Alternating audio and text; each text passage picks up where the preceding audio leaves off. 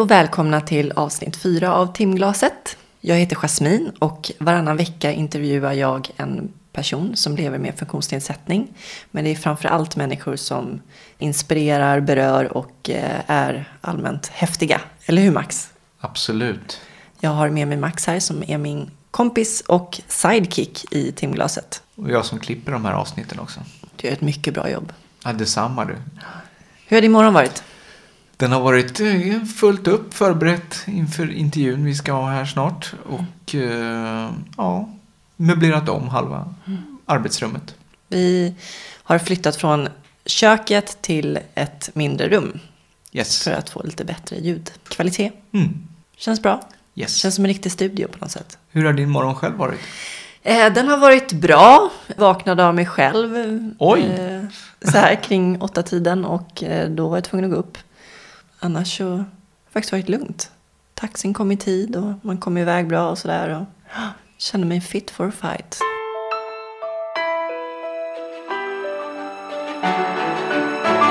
Idag blir det lite politiskt. Idag blir det politiskt. Du eh, känner ju inte Maria sen tidigare men jag Aldrig känner ju träffat. till henne. Och hon är en person som brinner för mångfald och mänskliga rättigheter. Hon är alltid glad och positiv och eh, har åstadkommit en hel del. Varit ordförande då i DHR i sex år. Det Handikappets riksförbund hette det förut. Men nu står hon listad som nummer 11 som kandidat till Europaparlamentet i Folkpartiet av 114 totalt. Så det är ju ganska häftigt. Och hur många får åka? Är det Det- bara den första, eller den som vinner, eller hur funkar det? Ja, så är det väl. Man ska ju bocka i den där liksom, rutan då på vem man vill ska representera. Mm. Mm.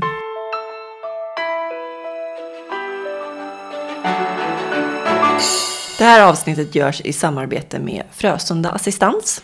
De har bedrivit personlig assistans sedan 1994. Och, och idén är att personer med funktionsnedsättning ska vara delaktiga i samhället och ha möjlighet att ta del av dess utbud och aktiviteter. Tack så mycket Frösunda Assistans. Tackar, tackar. Och nu kommer ljuvliga Maria.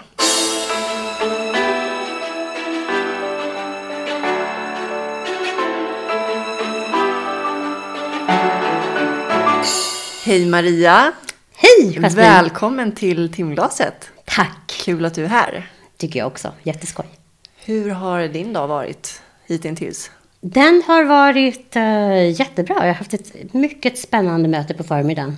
Vad var det för möte då, om man får fråga? Jag ingår i en liten grupp till ett större projekt som ska jobba med samarbete mellan museer och uh, funktionshinderrörelsen lokalt. Så att där har jag varit på spännande. Ja, jätteskoj. Hur, du kan väl beskriva din funktionsnedsättning? Jag har eh, medfödd skelettskörhet. Osteogenesis imperfecta brukar förkortas OI i dagligt tal. Föds 5 till 8 barn per år i Sverige med den. Den innebär ju alltså att man har skelett som eh, är betydligt skörare än normalt. Jag hade haft många brott redan i mammas mage. Så att eh, det var ju det man såg då när jag Ja, det, vid sex månader ungefär så förstod man att det var någonting som var fel. Jag skrek så jättemycket och eh, det måste vara något annat än bara vanlig småbarnsgråt. Och då så upptäckte man ju de här både färska men också felläkta gamla frakturer. Hur får man brott i mammas mage? Ja, hur får man brott i mammas mage? Nej men alltså, eftersom skelettet var så skört så att jag kunde bryta, bryta mig även om jag bara spände mig. eftersom att musklerna spändes åt. Så kan jag tänka mig att det måste naturligtvis ha varit, varit samma sak redan då. Och eh, ja, om man kom emot någonting. Jag var ju väldigt känslig för att få någonting emot mig eller liksom på något sätt. Så stötar eller När föddes du? 68. Och hur var kunskapen kring be- benskörhet då, på den tiden? Jo, men den var nog ganska... Så det här är en väldigt gammal sjukdom som man har eh, levt och överlevt med i, i flera, flera tusen år. Sen är det klart att forskningen har ju gått framåt. Och, men när man väl förstod vad det var så eh, var det nog inte så jättekonstigt. Nu finns det ju andra behandlingsmetoder än vad det fanns när jag var barn. Men eh, det var inte så att det var något outforskat eller helt nytt och man inte förstod vad det handlade om. Och du använder rullstol som hjälpmedel. Mm, det gör jag. Fick min första rullstol när jag var sju år och skulle börja skolan. Och det låter ju ganska otroligt. Hur klarade du dig innan? Ja, men jag vet, man blir ju helt till sig när man ser de här små barnrullstolarna som finns idag. De är ju så vansinnigt söta. Mm. Men så var det inte när jag föddes, eller när jag var barn. Utan ja, jag äh, åkte barnvagn ute. Blev buren mycket.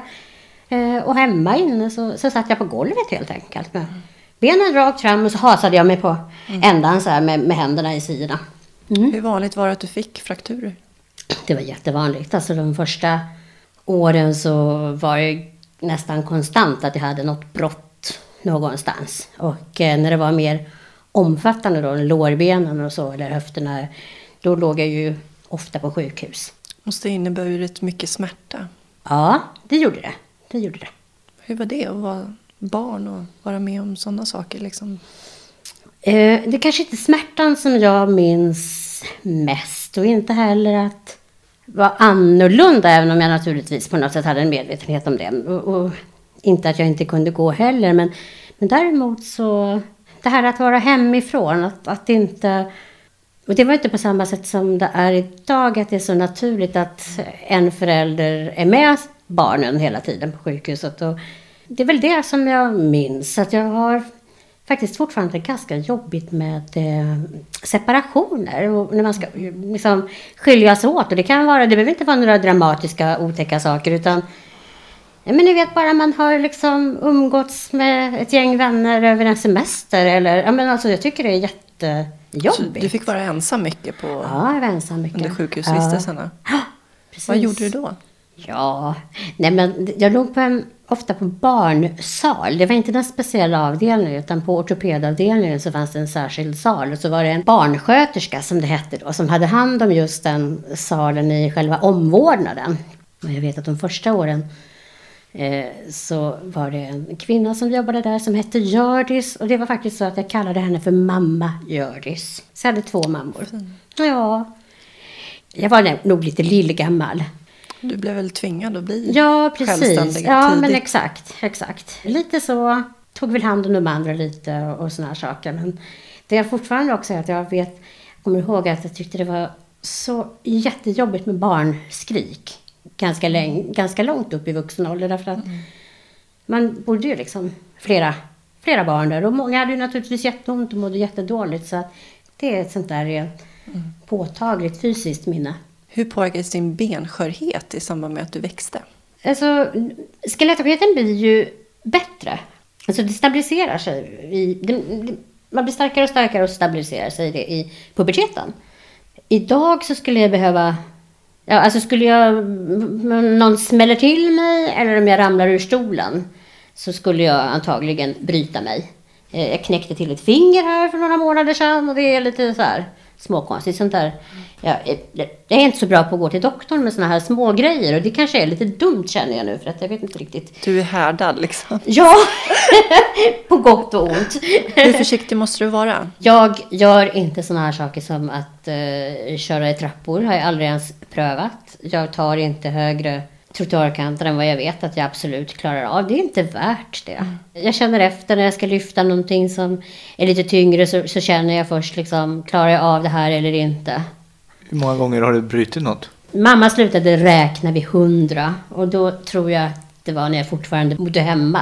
Sen har vi inte haft jättemånga större frakturer efter det men kanske ett tiotal stora grejer efter det fingrar och Vad innebär stora grejer då? Ja, med ben och armar. Mm. Ja. Men i bryta en arm, alltså då blir man ju, skulle du bryta en arm idag då blir du ju helt, då kan du inte rulla ingenting. Nej, precis.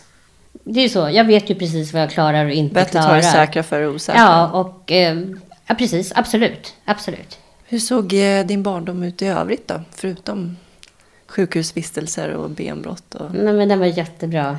Absolut. Väldigt kärleksfull, uppmuntrande barndom. Ja. Hur ser din familj ut? mamma, pappa och sen eh, har jag tre äldre syskon så att jag är Du är lilla. sladdbarn. Ja. Jag hade fem föräldrar. Förutom då mamma Hjördis som jag räk- nämnde precis nyss. Men ja, jag, var, jag var påpassad men också oerhört älskad och upp- uppmuntrad att, eh, ja, att ta för mig av livet. Har du kontakt med mamma Hjördis? Lever hon? Nej, det har jag inte. Jag vet att många år senare så, så hade mina föräldrar och hon kontakt. Men nu tror jag inte hon lever längre. Skolgång och sådär, hur, hur var det? Då är det ju lite så, intressant så här att eh, tänka på att jag började skolan 75. Då hade vi i Sverige haft skolplikt för barn med nedsatt rörelseförmåga i bara 13 år. Annars så brukar man ju lära sig då att här folkskolestadgan i Sverige kom 1842. Då alla skulle ha rätt att gå i skolan. Det Men det galet. gällde inte alla. Vad gjorde man då innan? Ja, många växte ju upp på institution och gick inte i den vanliga skolan överhuvudtaget utan bodde på institution från att man faktiskt som barn, bara från några års ålder och upp genom gymnasiet. Så att det var inte helt självklart för skolan där vi bodde då att jag skulle gå i den vanliga skolan. Men för mina föräldrar var det det och det är jag ju naturligtvis evigt tacksam för. Och att jag föddes när jag föddes och uh, därför att är det någonting jag tycker är så oerhört grundläggande och som jag tycker är så viktigt. Det är att vi uh, faktiskt har, Uh, att vi blandar, ska jag börja med att säga. Att vi inte delar upp. Det är viktigt både för de barn det handlar om som har en funktionsnedsättning, men det är också väldigt viktigt för alla andra. Det är viktigt för skolan att det finns barn med blandade erfarenheter.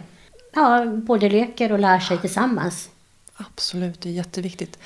När jag skadade mig för 15 år sedan så blev jag rekommenderad att gå i ett mediegymnasium nere i Skåne som var till för endast personer som hade en funktionsnedsättning. Nej, Och det är 15 år sedan. det är ju inte klokt.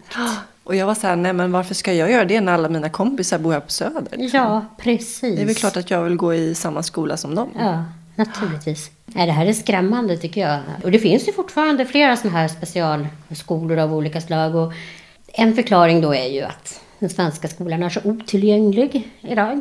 Och det är ju ett jätteproblem. 50 procent av Sveriges grund och gymnasieskolor kan man inte ens komma in på om man har rullstol. Och det får förödande konsekvenser. Både på ett personligt plan men också för utvecklingen i stort i samhället. Och även om det finns hissar och man kommer in så är det alltid så att man måste ta en annan väg någonstans. Precis. Och eh, redan där så tappar man ju den här gemenskapen på vägen dit man ska. Exakt. Exakt så är det. Men vad ville du bli när du blev stor? och hade många olika framtidsdrömmar. Allra första faktiskt, det var, ja som sagt jag sa att jag gillade att styra och ställa lite redan då. Och eftersom jag var så mycket på sjukhus och jag såg det här hur avdelningssköterskan var den som hade koll på allting. Så det har jag blivit påmind om av min, min stora syster som själv är sjuksköterska att det ville jag bli när jag var barn. Men det var väldigt tidigt. Men sen så var det väl man advokat, skådespelare. Designer kläder. också Ja, va? precis. Designer. Kreativa saker. Ja, jag har ju nosat lite på alla de där sakerna. Jag har läst juridik, Mm. eh, har gått en designutbildning, sysslat mycket med kläder och mode. Och eh, det är väl det här att uttrycka sig på något sätt. Mm. I text eller tal eller... Och spela teater har jag ju också gjort. Så Mm. ja, det är väl det som är den gemensamma nämnaren kanske. Berätta lite om hur du Mm. kom in på det. alltid varit en så här, teaterapa, tror jag. Gillat att prata, gillat att eh, få uppmärksamhet, märkt hur jag har kunnat fånga människors intresse med en berättelse eller genom att spela apa. Men spelade en del skolteater, hade väl eh, det där i bakhuvudet. Men sen så i mitten av 90-talet så fick jag nys på att det var en eh, regissör dramatiker, dansare, eh, Ellen Bergman, som skulle samla ett gäng kvinnor som använde rullstol. Hon ville dra igång en, en verksamhet med det. Och eh, där kom jag med i en teatergrupp som vi hade då tillsammans, som Ellen höll i. Som kallade, vi kallade oss för Teater med stol. Och det var ju superroligt. Vi gjorde en, tre stora uppsättningar Och det var fantastiskt, fantastiskt roligt. Så det blev ju det blev som teaterskola för mig. Sen så orkade inte Ellen hålla på med det här längre. Och, eh, men hon hjälpte mig att söka till scenskolan. Jaha. Ja, hjälpte mig med mina prover och jag kom riktigt långt. Jätte, jätteroligt. Men inte hela Häftigt. vägen. Men då hade Ellen redan tussat ihop mig med en annan fantastisk kvinna som heter Elisabeth Korndal.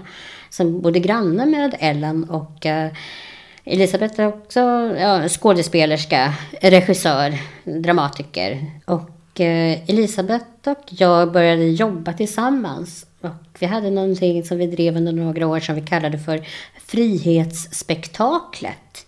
Där vi utforskade frihet ur olika aspekter. Och vi hade en föreställning som vi var runt en del med.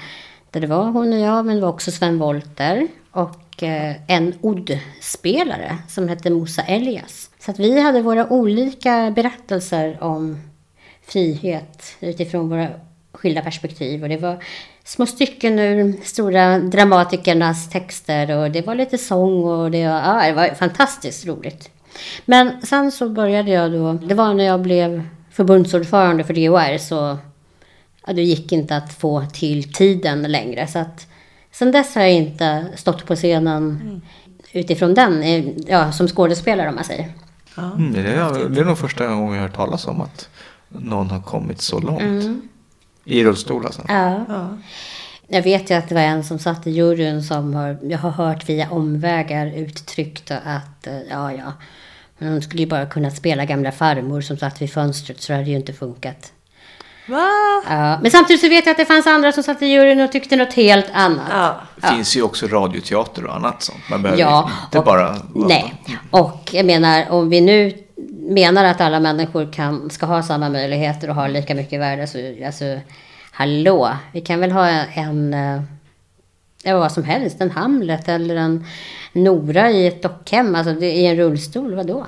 Jag såg ett reportage om någon teatergrupp. Så liksom tittar man lite när de spelar och sen efteråt så pratar de mycket i reportaget om att de tyckte det var så dåligt att ingen i rullstol som har kommit in på scenskolan. Och jag var ju så här, nej men ni är ju skitdåliga skådisar allihopa.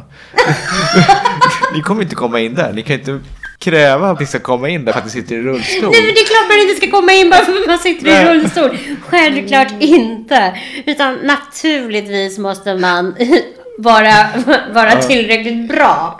Och det här är ju det här eviga dilemmat liksom. Det kan jag känna att jag har haft med mig genom det här att, jaha okej, fick jag det här höga betyget på den här uppsatsen för att den är så pass bra?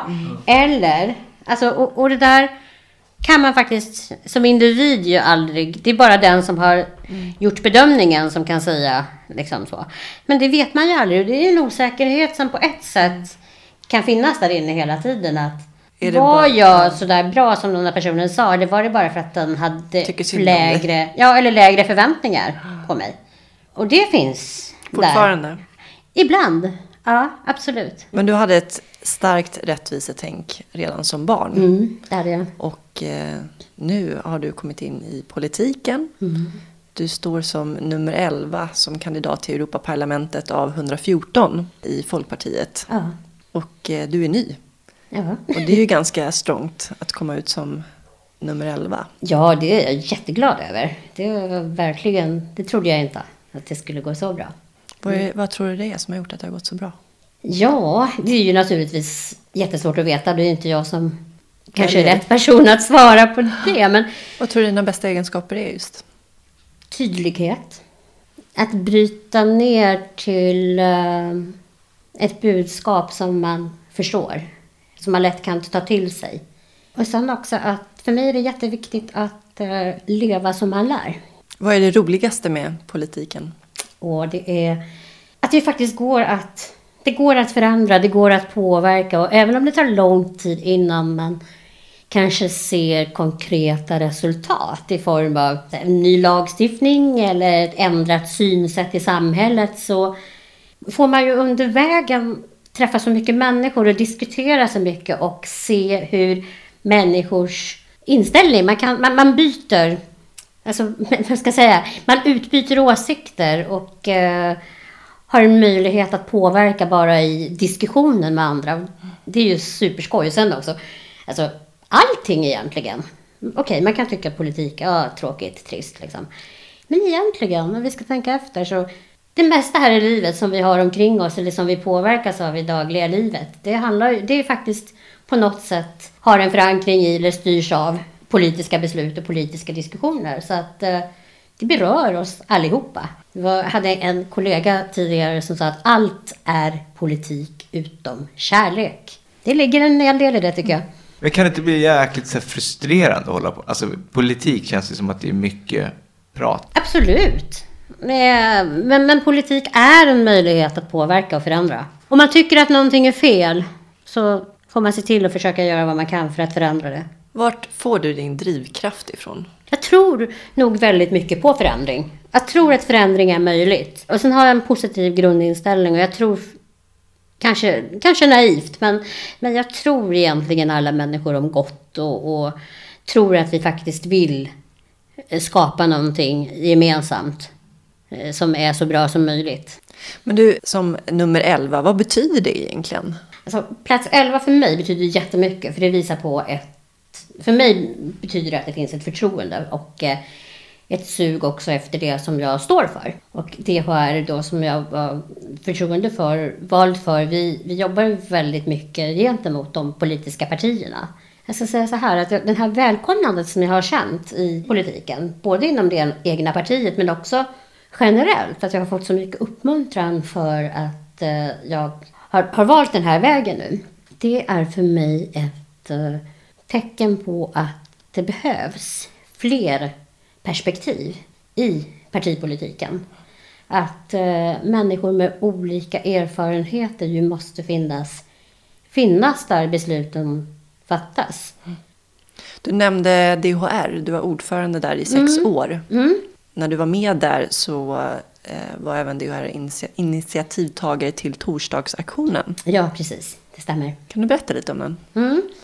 Det handlar alltså om frågan om bristande tillgänglighet som en form av diskriminering av personer med funktionsnedsättning. Och det är en fråga som har funnits på den politiska dagordningen också i Sverige i drygt två decennier. Och i USA så firade man 20-årsjubileum för några år sedan för sin lagstiftning. Och det var den allra första eh, som kom då i världen. Och, eh, det, det var 20 år sedan. ja, liksom... precis. Ja. Det var ju George Bush den äldre mm. som eh, undertecknade, och som var president då, när den här amerikanska ADA, som den heter, Americans with Disabilities Act, när den antogs. Och han, eh, i sitt tal då, så nämnde han just Sverige specifikt som ett av de länder han trodde snart skulle följa efter. Ha, det visste jag inte om. Där vi är inte där Nej. ännu. det här är en fråga som har utretts flera gånger. Den har föreslagits eh, vid olika tillfällen att vi borde ha det här skyddet också i Sverige. Jag ska inte, det är många, många turer i det hela. Men slutligen då kom det ett riktigt bra lagförslag. Det tillsattes en enmansutredare som arbetade på han hette Hans Ytterberg. Han var tidigare ombudsman för homosexuella, HomO. Den ombudsmannen, den myndigheten då som då hade avvecklats. Vi visste att hans arbete var färdigt, men det kom aldrig någonting. Vi försökte få ut det här dokumentet. Vi skrev till regeringen, men nej, det var internt arbetsmaterial. Eh, vi startade ett eh, Facebook-upprop. Då var inte Facebook lika stort som nu. Men det blev snabbt väldigt många som gick med i den här gruppen. Offentliggör diskrimineringsutredningen hette gruppen. Och till slut där i maj så offentliggjordes den. Och det visade sig att det var ett jättebra förslag som Hans Ytterberg hade, hade skrivit. Och eh, det fick titeln Bortom fagert tal. För det är faktiskt precis det det handlar om. Det finns väldigt mycket vackra formuleringar och fina ord mm. och tjusiga mål. Men det händer ingenting. Vi ser inte någon reell förändring. Den stora, stora stötestenen, det som alla är så oroliga för och det som gör att det har tagit sån tid, det är ju det ekonomiska. Att man tror att det kommer bli så fruktansvärt dyrt. Det Hans Ytterberg konstaterar är att eh, ett sånt här, en sån här lagförändring skulle egentligen inte innebära så stora kostnader. Därför att det som skulle kosta, det är sånt som man redan borde ha gjort till allra största delen. Funktionshinderrörelsen ställde sig bakom det här förslaget. Men man ville ändå titta på kostnaderna igen. Man tyckte inte att det var tillräckligt utrett. Och då så gjorde Statskontoret en beräkning som är katastrofal. Kommer fram till att det skulle kosta 2700 miljarder. För lite ramper. What? Eh, grejen är Okej. att de räknade alltså på att eh, vi gör om hela Sverige typ. Vi plattar till allt. Men det är ju inte det det handlar om. Det har aldrig varit det det skulle handla om. Och det är inte det det har handlat om i något av de länder som har infört det här. Alltså det var ju en katastrof för hela arbetet med att för, försöka få igenom det här. För att har man, har man sett den där siffran så präntas ju den in. Och då är det jättesvårt att komma med de här motargumenten att ja, men det är ju inte så det är tänkt. Man bara ser på skräcksumman hela tiden. Precis. Då gjorde rörelsen, vi skramlade ihop pengar och gjorde en egen rapport. Eh, Då vi bad eh, förre chefsekonomen på LO, Dan Andersson, ta fram siffror. Och det var bråttom så att vi skulle ha med det här till Almedalen. Så att han eh, sammanställde helt enkelt sånt underlag som redan fanns. Och kommer fram till att han sticker hål på de här siffrorna som Statskontoret visar på. Och eh, tar fram en rapport som får rubriken Dörrarna stängs innan alla fått plats. För så är det ju, verkligen. Och han visar också på att det är klart, okej, klart det kommer kosta, men han kommer upp i helt andra nivåer. Och han säger ju det också, tillgänglighet lönar sig på alla sätt. Alltså naturligtvis lönar det sig på ett mänskligt plan. Och eh, det finns ett rättighetsperspektiv naturligtvis i att kunna vara en del av samhället, att inte bli nekad tillträde vare sig det är fysiskt eller via kommunikation eller information. Men det finns också ett samhällsekonomiskt intresse i att bereda så många som möjligt tillträde. Och vi förlorar pengar på att ha det så här som vi har det. Samtidigt då som, som de här två rapporterna gjordes så hade ju ändå den här Hans Ytterberg, det här Bortom fagert tal, gått ut på remiss. Och ett år efter att remisstiden hade gått ut, då tyckte vi att nu räcker det. Nu har man haft ett år på sig att bearbeta alla de här rapporterna, eh, beräkningarna och alla yttranden som har inkommit. Så nu måste vi, eh, nu är det upp till bevis. Och då, det var då vi började stå utanför Rosenbad. Och det vi räknade var alltså dagar som hade gått sedan remisstiden hade gått ut. Och så stod vi där i två år och fyra månader. Vid varje regeringssammanträde. Regeringen sammanträdde ju på torsdagar och klockan nio. Så mellan åtta och nio fanns vi där och delade ut ett flygblad med hur många dagar det nu hade gått denna dag. I slutet nu så var det över 20 organisationer som stod bakom det hela. Och numera är det tisdagsaktionen. Mm. Och då är det att man kritiserar det här nya lagförslaget. Ja, för grejen är ju att man kan hålla två tankar i huvudet samtidigt. Jag tycker att det är ett framsteg att, att det faktiskt finns ett förslag som eh, ger möjlighet att pröva och där vi faktiskt för första gången i lagtext i Sverige formulerar att det är diskriminering med otillgänglighet.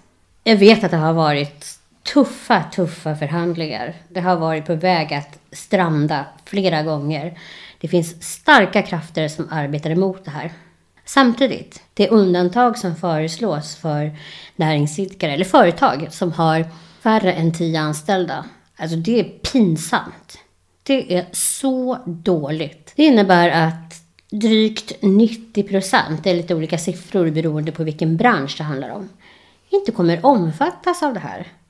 Naturligtvis omfattas de ju av de bestämmelser som redan finns, exempelvis plan och bygglagen eller ja, för att bedriva verksamhet. Alltså, sånt som redan finns, det, det omfattas de självklart av. Men eftersom efterlevnaden är så dålig så hade vi ju verkligen behövt ett diskrimineringsförbud för alla. Och ett motsvarande undantag har inte gjorts i några andra länder där man har infört det här. Så att Nej, det är riktigt, riktigt dåligt. Därför att det är ju, jag menar det vet vi ju själva, de flesta ställen man handlar på eller fikar på eller ja, Oh ja. Det- Det är dagligen. ja, det är ju inte tio anställda och fler på dem. Utan det är mindre ställen. Eller går du på bio? Jag menar, du kan, går du på en liten kvartersbiograf, inte det tio anställda där?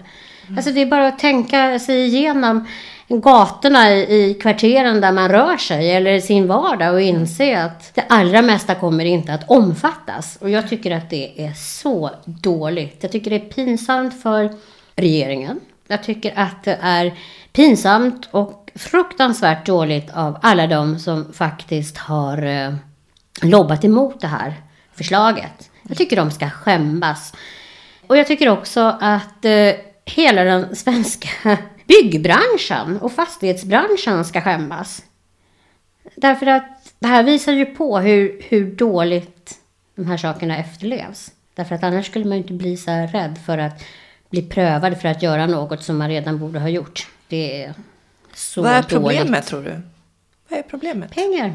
Starka krafter som är, är rädda för att det ska kosta pengar. Det är, nu bara för några veckor sedan så skrev ju eh, Svenskt Näringsliv bland annat med, med flera andra organisationer till alla riksdagsledamöter och tycker att det här behövs inte.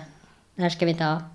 Det ger uttryck för en människosyn som jag tycker är skrämmande. Ja, men det var som, jag har tagit upp det förut i den här podden när jag var i London och de hade satt en ringklocka eh, på ett café vid dörren med handikappskylten ovanför.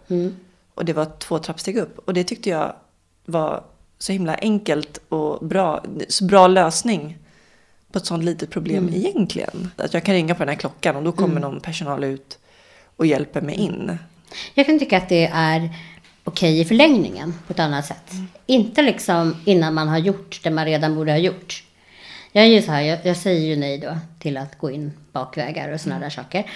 Men jag säger också att det kanske jag kommer, jag kommer, kanske kommer ändra det helt. Om vi får, om vi faktiskt börjar göra det som ska göras och vi börjar tänka på ett annat sätt så kan jag mycket väl tänka mig att i de där speciella fallen där det faktiskt är kanske svårt att göra någonting eller betydligt krångligare. Ja, men visst. Och då Men som tycker jag det är Gamla jätte- stan till exempel, Ja, men precis. Ja. Ja, för det är också så här. Det finns så mycket missuppfattningar kring det här. Att folk tror att ja, nu så ska vi asfaltera hela Gamla stan. Mm. Nej, det handlar absolut inte om det. Nej, det är så dramatiskt liksom. Ja, men precis. Men det, du säger att du inte tar de där bakvägarna eller Nej. Mm. bakdörrarna. Men vad kommer in då? För jag tycker att det alltid är så. Det finns Ja. alltid en annan ingång. Ja, visst är det så. Jämt. Mm, Liksom. mm. Det är ju jättemycket så. Absolut. Inte ett enda café knappt i stan. Som jag och Max här, ja, igår. Vi hade ett möte på stan. Och då hade den här personen föreslagit vilket café vi skulle träffas på. Ja. Och där var det ju trappor. Ja. Eh, Båda ingångar. Det var, var det två? Tre ingångar. Tre ingångar. Eller en- alla en ingång var ju stängd, men på Kungsgatan liksom. Så på- vi kom dit och så bara, aha, okej, trappor. Ja. Så vi fick rulla till ett annat ställe. Vi fick rulla ganska långt Mm. eh, på Drottninggatan då. Innan vi kom till något där det inte var något större trappsteg. Men är du inte rädd att så här, alltså, du kan ju missa saker om du vägrar gå in bakvägen liksom, Mm. ibland. Ja, men jag vet. Absolut. Jag förstår hur du menar. Eh, men för mig är det så... Dels naturligtvis eftersom jag har jobbat med de här frågorna och drivit det så hårt. Och sen är så, ju mer insatt jag har blivit i, i vad som faktiskt är beslutat och vilka bestämmelser vi har så har det här vuxit fram som ett ställningstagande för mig. Och sen så känner jag också att nej, den som inte vill ha mina pengar ska heller inte ha dem. Jag vill inte stödja en sån verksamhet som faktiskt inte välkomnar mig.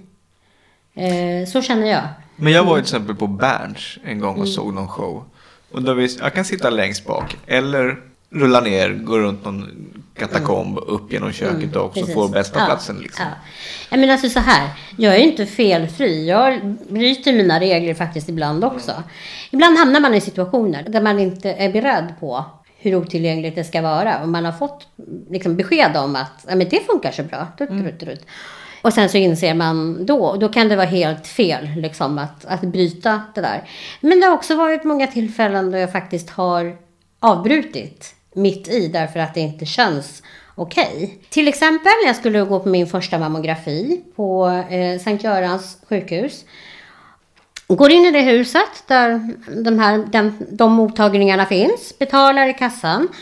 Och sen så säger de, vänta så ska jag hämta en, eh, en sköterska som kommer och följer med dig. Vadå liksom?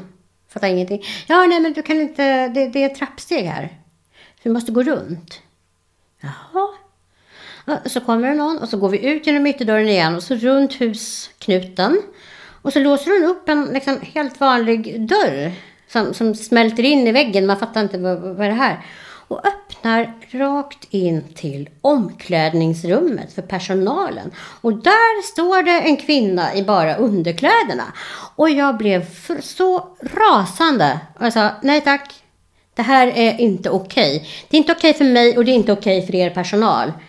Alltså jag avbryter det här, jag vill ha mina pengar tillbaka.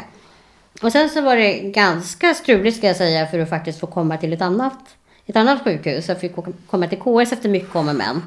Trots att jag då är För vissa, alltså vissa sådana här undersökningar som, som man blir kallad till med automatik. Där är det ju inte bara att välja vilket, var man vill att det ska göras. Nej, precis. Så det är ett sådant exempel. Ett annat exempel är jag blev inbjuden till den här stora mänskliga rättigheter-galan som var för några år sedan på Konserthuset.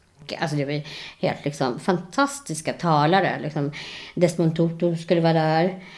Men jag kände bara, nej. Alltså jag kan inte. Jag kan inte gå på ett sånt arrangemang och lyssna på en av de stora motståndarna som kämpade mot apartheid och gå in en annan ingång. Mm. För att i grunden så måste vi liksom... Alltså till slut så kommer jag ändå till det att det handlar om precis samma sak. Så att det tackade jag nej till. Så det finns sådana eh, exempel. Det är också många gånger jag har varit eh, medverkande på olika ställen där det har visat sig att de har sagt att det finns eh, ramp till scenen och sen så då när man kommer dit så är den här rampen alldeles för brant. Och, det kan vara två sådana barnvagns... Ja, det finns det också. Precis, absolut. Ja. Och då stannar jag nedanför. Då stannar jag nedanför och så berättar jag varför jag gör det. Alltså inleder med att förklara varför. Så. För mig är det viktigt, men, men alltså jag, man, alla måste göra det som känns rätt för dem. Man måste mm. göra sina egna val och sina egna ställningstaganden. Men mm. absolut, alltså jag hamnar i situationer då det inte går att göra någonting åt. Utan då är, det, det faktiskt är helt omöjligt att avbryta någonting som är mm. pågående. Och då har jag också gått någon sidoingång eller fått bli hjälpt upp för några trappsteg. Absolut. Mm. Så att det är inte alltid helt enkelt att leva som man lär, men jag försöker. Jag försöker. men jag misslyckas ibland. Det tror jag inte. Jo du. det gör jag, absolut. Ja, men du står på dig och det är jätteviktigt att du är så principfast. Liksom. Mm. Ja, för mig är det det. Mm. Viktigt med mm. Man står för sina rättigheter. Ja, precis. Någon måste göra det. Ja, men precis. Någon måste göra det. Mm. Och sen, så, sen ibland också så, så blir det ju det som en... Nu ska det inte behöva vara så naturligtvis. Att man ska behöva alltid berätta eller fråga mm. innan. Men, men det är ju det då som jag ibland ganska nyligen blev påmind om. Jag måste faktiskt fråga. Jag måste säkerställa innan. Mm. Den där tanken slog mig igår att jag skulle dubbelkolla liksom stället. Ja. Funkar det? Kommer jag verkligen ja. in? Ja. Men den personen kom från ett sånt ställe där jag tog för givet att man tänkte steget längre. Ja, men liksom. precis, precis. Det är ju så. Jag förstår. men det är så, man måste alltid dubbelkolla och vara, för att vara helt säker. Ligga steget före på något sätt. Mm. Men du ser dig som eh, idealist, feminist och eh, socialliberal. Ja, det stämmer. Men hur tror du att du kommer kunna påverka nu när du är med i Folkpartiet? Jag eh, hoppas att jag kommer, ja, alltså om jag kommer, det, det, vet man ju inte om jag kommer, men det jag kommer försöka göra är ju att hela tiden påminna om att det finns alltid i alla frågor ett funktionshinderperspektiv. Det är inte egentligen, även om vi pratar om funktionshinder politik och, och, som ett eget område, så finns det ju ett sådant perspektiv på alla frågor egentligen. Precis som vi ska ha ett barnperspektiv eller ett genderperspektiv så, så finns det också ett sådant att ta hänsyn till och utgå ifrån. Sen så tror jag att den blotta närvaron påverkar. Och, och när man är den där tjatiga då som, som frågar om det går hur det ser ut med tillgängligheten och som hör av sig och, och tjatar om ramplutningar och, och så vidare. Det tror jag också har effekt. Det är sen bara att man finns. Jag tror att man måste finnas med och, och bara genom att vara närvarande. Men vad gör du när du inte håller på att arbeta med mångfald och lika rättigheter? Och... Ja, då är jag en riktig livsnjutare. Du är det va? Ja, jag är jättelat, jätteslö. Ja, men jag älskar att, uh, jag är jättebra på bara vara. Jag är jättebra på att bara sitta och, och, och filosofera nu när det är sånt här. alltså det här är ju min årstid verkligen. Mm. Kunna sitta ute, bara sätta mig någonstans i skuggan och läsa. Jag tittar mycket på film, jag umgås med vänner. Det här är väl allas våran årstid? Visst är det väl det? Jag håller med dig. Man vet också att nu är det som allra längst innan det blir snö igen. Men hur gör du då när du stänger av? Liksom? När, när du bara ska koppla av och sitta och läsa en bok eller titta på tv? Eller? Nej, men det går. Alltså jag, eh, jag kan göra det. Men, men som förbundsordförande så, så hade jag ju inga arbetstider. Så, utan det var ju på samma gång dygnet runt jobb som på samma gång jag hade möjlighet att själv styra min tid. Och nu när jag inte har någon anställning så har jag ju också ännu mer naturligtvis den möjligheten. För att även om jag är full fart just nu så är det inte alls eh, samma arbetsbelastning eller samma antal timmar som det var mm. då. Så att jag varvar och det där går ju in i varandra väldigt mycket naturligtvis. Jag har många vänner som är engagerade i de här frågorna men jag har också vänner som absolut inte är det och, och det kan vi liksom jättehärligt också att helt släppa och bara vara Maria. Mm. För jag är ju, alltså det är ju inte, jag är ju inte min funktionsnedsättning och jag är inte min politiska kamp utan jag är ju Maria. Och du har en sambo. Hur mm. träffades mm. ni? På krogen. Jaså. Går det? Ja. Men, Kom du in? vet ni, det hade inte gått idag med min inställning. Därför att det var på en krog, med, eller ett, ett, ett uteställe med ja, säkert 15 trappsteg upp. Jag hade varit på en um, 30-årsfest på ett ställe på Kungsholmen. Och uh, sen så var vi några som, när, när det stället stängde, drog vidare och skulle gå ut. Det var i början av april och det var snö i luften. Och så gick vi in på det här stället. Jag gick ihop, fram till baren ihop med brorsan till födelsedagsbarnet. Men då så var det någon som sa hej. Och så, på den vägen är det. Men du kanske missar massa sådana här situationer nu då? Med tanke på att du vägrar. kanske inte nya killar, men... And... Nu har ju sitt på det torra. Jag pratar inte om det, jag pratar om allmänt kanske. Ja, möten. Ja, men jag förstår. Ja, men jag visst, jag förstår hur du menar. Absolut. Och, och jag, jag, vet det. Och det finns många som tycker så. Det finns många som tycker att man, om vi pratar påverkansarbete, att det är viktigt att, viktigare att vara med i samtalet och diskussionen, konferensen och så vidare. Men Alltså om vi pratar utifrån det professionella då. Så där finns det, då godkänner man att det ser ut som det gör. Man kan inte sitta och prata tillgänglighet eller hävda sin rätt i en otillgänglig... Alltså inte utifrån att vi har haft bestämmelser i snart ett halvt sekel. Det är inte okej. Okay. Eh, på det personliga planet så, ja, jag har full respekt för den som gör en annan bedömning. Men för mig är det jätteviktigt. För att jag ska liksom kunna tycka att det känns okej. Okay. Men han raggade upp dig? Är det så? Ja. Hur länge, hur länge har ni varit tillsammans? 19 år. Oj. Ja. Är han lika engagerad i tillgänglighetsfrågan? Nej, det är han inte. Men han, han stöttar ju liksom absolut mitt ställningstagande. Han har ju självklart påverkats och, och förändrats i det här han också, precis som jag har gjort. Sen så har vi ju en överenskommelse om att inga pengar från vårt hushåll ska gå till otillgängliga ställen. Men tror att han fuskar ibland.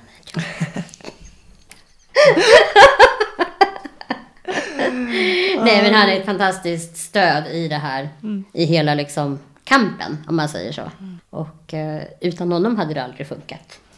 Utan att ha det stödet och den uppbackningen. Hur var det tillbaks till när du var liten, när du var tonåring och började träffa killar och sådär. Mm. Hur, hur var det liksom? Var det svårt att ta det steget? Och... Ja, jag tror att det tog nog lite längre tid än för mina, mina kompisar. Det, det, det gjorde det. Det var lite, absolut. Den utvecklingen kom lite senare.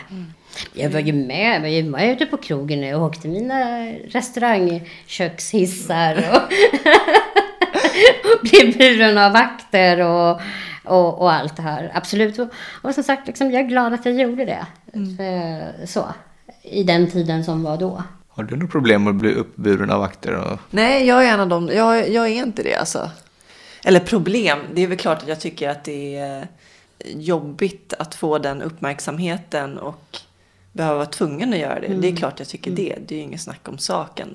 Jag skulle ju hellre önska att det inte var så. Eh, Absolut. Ja, precis. Ehm, Men jag har inget problem att be om hjälp för att göra det jag vill. Mm. Jag var på Tekniska museet här för några veckor sedan med barnen. Det är ju en ramp upp på utsidan och sen är det några trappsteg in. Men det är ju en ganska brant ramp på ena sidan och sen är det så här lift på andra sidan.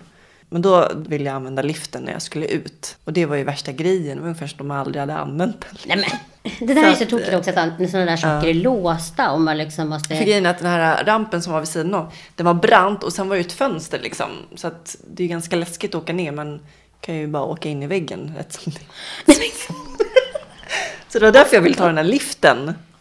Liksom. Och då var det så här, ja du vet, de höll på att ringa på vaktmästare, det tog tid, Ja. jag fick sitta där och vänta. Och några barn stod där och tittade, ja hur ska hon komma ner liksom? Och mamma var, ja men hon ska använda den där liften. Och nej, nej, nej, du vet så här. Och då ville de ju stanna kvar och titta då hur, hur det gick till liksom. Det är ju klart att man skulle vilja vara utan den uppmärksamheten. Bara blend in liksom. Precis. Men så man stöter ju på dagligen. Stöter man ju på hinder. Så är det ju bara. Inte om man håller sig hemma. Men då tänker jag så här, vilken tur att man i alla fall bor i Stockholm. Tänk att bo på ett litet ställe där det inte finns några alternativ överhuvudtaget. Jag har några så här frågor som jag brukar köra Ja. varje intervju. Ja. Så jag tänkte vi skulle dra dem. Den första är, när fick du beröm senast? Det var går kväll. Jag eh, deltog i en eh, panel med eh, kandidater till Europaparlamentet. Vi hade Stockholms kick-off igår kväll. Det var några som kom fram efteråt och tyckte att jag hade varit väldigt bra och eh, väldigt tydlig. Och det var en som berömde för mig för mitt stora engagemang. Det, sånt blir jag glad för. Vad gör dig lycklig och vad betyder lycka för dig? Lycka för mig är att se storheten i det lilla, tror jag. Jag kan bli lycklig av att eh, bara sitta vid vattnet. Titta ut, lyssna på vattnet, titta på vågorna. Oavsett väder. Är det även lycka om det är en jättejobbig sandstrand som du blir utdragen till då? Ja, faktiskt. Absolut. Hur tror du att eh, ditt liv hade sett ut om du inte föddes med en funktionsnedsättning? Ingen aning. Alltså det, jag kan verkligen inte svara på den frågan. Det enda jag vet är att jag hade ju inte varit samma person. Antagligen. Fullt ut. Om du träffar någon som inte har någon erfarenhet av eh, funktionsnedsatta överhuvudtaget. Vad skulle du vilja säga till den personen?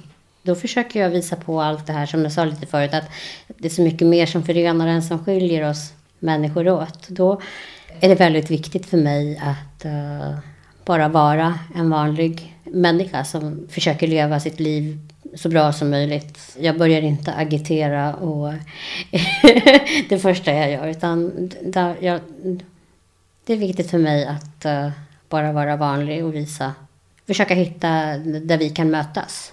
Samtalsämnen eller situationer. Jag måste läsa upp ett citat här som jag berörde mig. Okej. Ehm, ett av dina blogginlägg som Ja. du hade skrivit när du fortfarande var ordförande på Mm. DHR. Mm. Det är inte synd om mig, det är inte synd om någon på grund av dennes funktionsnedsättning. Aldrig. Men jag känner en ilska över att inte samhället kommit längre. Är det någon det är synd om så är det oss alla. Oss som land, samhälle, gemenskap. Som fortsätter dela upp människor. Som sätter stämplar och etiketter, vare sig det är genom att dela upp passagerare som ska med på bussen utifrån hudfärg eller utifrån att vi fortfarande använder fordon som diskriminerar. Bra där. Det tyckte jag var starkt faktiskt. Och jag håller med. Känner du idag liksom att, med tanke på allting du gör och så, men att du måste, att du måste prestera liksom, eller är det en del av dig? På ett sätt är det nog det. Kanske. Jag befinner mig många gånger i situationer eller miljöer där jag är den enda som ja, exempelvis då använder rullstol eller har de erfarenheter jag har. Och då kan jag nog känna det ibland. Att jag, Du måste vara lite bättre. Ja, så. Det där är ju inte rätt, naturligtvis. Det är inte rätt mot en själv, men det är också... Det är ju inte heller så att man ska behöva känna att man på något sätt ska försvara eller representera alla andra.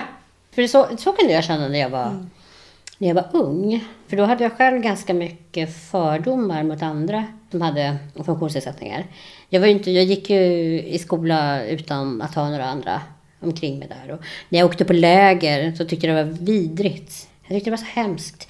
Vi skrattade åt det här förut. Åh, vad mycket rullstolar det är här. Ja. Det var precis vad jag sa till mamma när vi, liksom, de lämnade mig på något läger. Det är bara en massa rullstolar. Jag vill inte vara här. Jag tyckte det var hemskt. Men det, det har jag släppt. Ja, det finns ju de som vill ta helt avstånd och inte alls förlika sig med andra Ja, precis. funktionsnedsatta. Ja, att man liksom på något sätt rent demonstrativt ska liksom Ja. ta avstånd helt från Mm. den världen. Jag tror också att jag kände så lite grann ett tag där att liksom man ville visa att man, man har kompisar som inte sitter Mm, i ja, men precis, har precis. Jag är som alla andra. Ja. Det var väldigt viktigt för mig under min uppväxt att, att vara det. Men så kan jag fortfarande. Jag kan ju kräkas på rullstolarna. Jag orkar inte umgås med, träffa, orkar inte träffa någon i en sån här. Nu räcker, det. Ja. Du får inte kräkas på mig Max. Nej, jag har inte gjort det.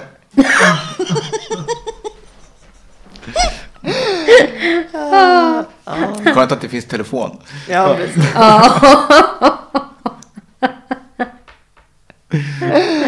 Schysst liksom. Ja.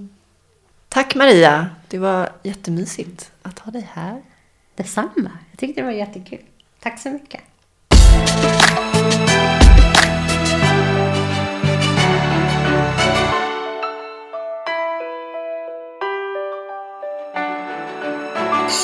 Då har ni precis fått höra Maria.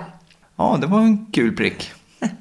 Ja, det var lite kul att höra om eh, hennes intresse för teater. För att det visste jag inte så mycket om. Har du varit på rullstolsteater någon gång? Jag har varit på en teaterföreställning där det var en person som skulle spela ryggmärgsskadad. Men han hade en annan funktionsnedsättning. Det störde mig lite grann. Jag hade svårt då att relatera liksom. Ja, men så är det ju när man är proffs. Kolla vilken film som helst så ser man ju. Ja, man... Avatar var jäkligt bra. Den var skitbra. Jag Där- älskar den filmen. Ja, men rent sådär, man, han såg ju verkligen ryggmärgsskadad ut. Ja, jag var tvungen att kolla upp efteråt om eh, han faktiskt var ryggmärgsskadad eller Ja. inte. Fan, de får till benen. Ingen aning. Nej, det var, där är ju väldigt, men annars, ja, det finns, det, Nej, det är bara att ta den här nya serien som exempel. Vad heter den nu? Iron Man. Iron Man. Ja, katastrof. Och det är en jäkla kriminal, ny kriminalserie på SVT. jag tror inte den går längre va? Jag hoppas jag inte. Då är det en eh, ja, person som är... Han har blivit förlamad i benen i tjänsten. Förlamad i benen? Ja. Eh, och, eh, Benförlamad? Ja, och är fortfarande polis. Nej, jag, jag, jag stod ut fem minuter av det där, sen kände jag att det där får det vara nog. Ja, det var bara några minuter alltså. Det var, det var verkligen de här klichéerna. Liksom. Ja, nej, det var lite... En ganska stor rullstol också, ändå för att vara i USA. Att Ja, ser lite så här klump ut. Ja, ja, whatever. Men eh, ja, det var kul att höra om hennes eh, teaterintresse. Har du spelat teater? Ja, faktiskt så var jag på teaterkollo när jag var 13 år. Ja, men inte i rullstol? Nej. Skulle du Nej. kunna tänka dig? Ja. Jo, men det skulle jag nog kunna tänka mig kanske. Du då? Idag absolut inte. Men jag har ju hållit på massa med sånt. När jag var yngre. Men nu skulle jag inte. Jaså? Berätta. Nej, alltså, det är inte så mycket att berätta. Alltså, idag skulle jag inte vilja stå på en, alltså det är en, jag tycker det är lite för fysiskt teater för, för mig. Nu har jag inte den fysiken längre så då Det blir liksom, det blir inte samma sak. Men du har lite svårare för att se dig själv som eh, funktionshindrad. Bara häromdagen, när, förra veckan när jag skulle ta en bild på dig bakifrån så ville jag med hela rullstolen för att visa liksom att du satt i rullstolen och höll på att klippa ett avsnitt. Och sen efteråt så var det så här, åh, jobbigt, nej, vadå, ser jag ut så där eller liksom? Det ser så handikappat ut. Ja, så kanske det är. Ja, jag förstod det som att du var lite svårare att se bilder på dig själv efter. Första året så fick de inte ta några fotografier av mig överhuvudtaget. Nu då? Alltså du, Nej, nu är det inte så farligt. ja det var ju lite farligt där för en vecka sedan men. Nej, inte så farligt. Jag blir bara så här, man blir lite så här, oj, eller man ser, ja, man slås av tanken ibland. Fan, är det jag? Ja, det är det. Känner du att du är ett med rullstolen? Nej, det gör jag verkligen inte. Du Max, Ja, när, när ska vi ställa oss där då med aktionen utanför riksdagen? Vi måste ju också engagera oss lite. men jag tycker vi gör ett väldigt, drar vårt strå till stacken här. Jag får så här dåligt samvete att jag inte engagerar mig mer. Hon kämpar på liksom. Och det här att hon är så principfast också, att hon vägrar gå in någonstans där hon faktiskt inte... Där hon är tvungen att ta bakvägen. väl. Alltså, du berättade ju att du var ju, Jag var ju förra helgen där var i Norra Brunn, eller på Norra Brunn, och såg stand-up, tre olika komiker. Men där måste man ju ta en bakväg. Och då är det genom typ soprum, alltså det står sop, inte sopkorgar men alltså sådana här stora jäkla container. Så först ska man åka igenom där och sen kommer man in i köket. Och det kan man väl tycka lite si och så om. Det är väl inte så jättekul kanske. Men nu börjar de känna igen mig. Typ kocken och de som jobbar där, de brukar hälsa. Ja, tjena, tjena, läget liksom. Ja, hej, hej. Men det som är lite roligt med köket på Norra Brunn, det är ju att det är ju liksom där allting händer efter att de har gjort sin stand-up. Då sitter de ju där kring ett bord. Så att när man ska åka därifrån, då får man liksom träffa dem och hälsa på dem och säga hej, tack för ikväll, tack för skattet. Då är det ju bara en fördel att gå via köket. Och då, det är ju faktiskt någonting positivt. Om man ska se någonting positivt med hela. Man kan, som hon sa, man kan inte anpassa allt. Gamla stan är ju liksom, det är ju löjligt att man skulle liksom sätta ramper i varenda. Ja, du förlorar ju en all charm. Ja. Alltså det finns inte, det, det är inte så svårt att hitta bra lösningar liksom. Eller alternativa lösningar. Så att man faktiskt känner sig välkommen. För jag har ju nämnt det tidigare, liksom, jag slutar aldrig förvånas över hur bra det är i andra länder. Och vi som jämt ska slå oss för bröstet och eh, visa att vi är så bra på allting som har med jämlikhet och demokrati att göra. Och så är det så dåligt som det är. ja. Kämpa på Maria säger jag bara.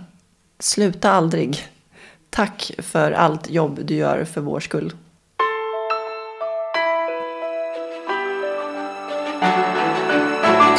Tack än en gång Frösunda Assistans för att ni samarbetar med oss. Tack så mycket. Vi har en hemsida, timglasetpodd.se och där kan ni lyssna på alla intervjuer. Och vi finns på iTunes. Och sen har vi också ett Twitter och Instagram-konto. Och då är det hashtag timglasetpodd. Ni kan mejla och kontakta oss på kontakt timglasetpodd.se. SC. Och eh, där får ni gärna tipsa oss, eller hur Max? Absolut. Om personer ni vill att vi ska intervjua. Skicka beröm och skit också.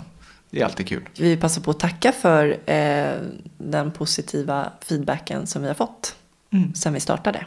Tack så mycket.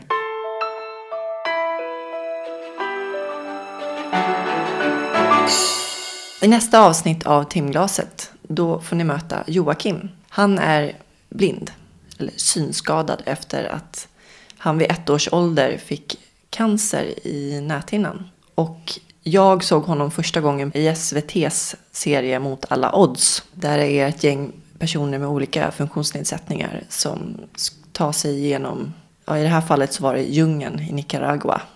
Någonting för dig kanske i säsong tre. Nej tack, Varför inte?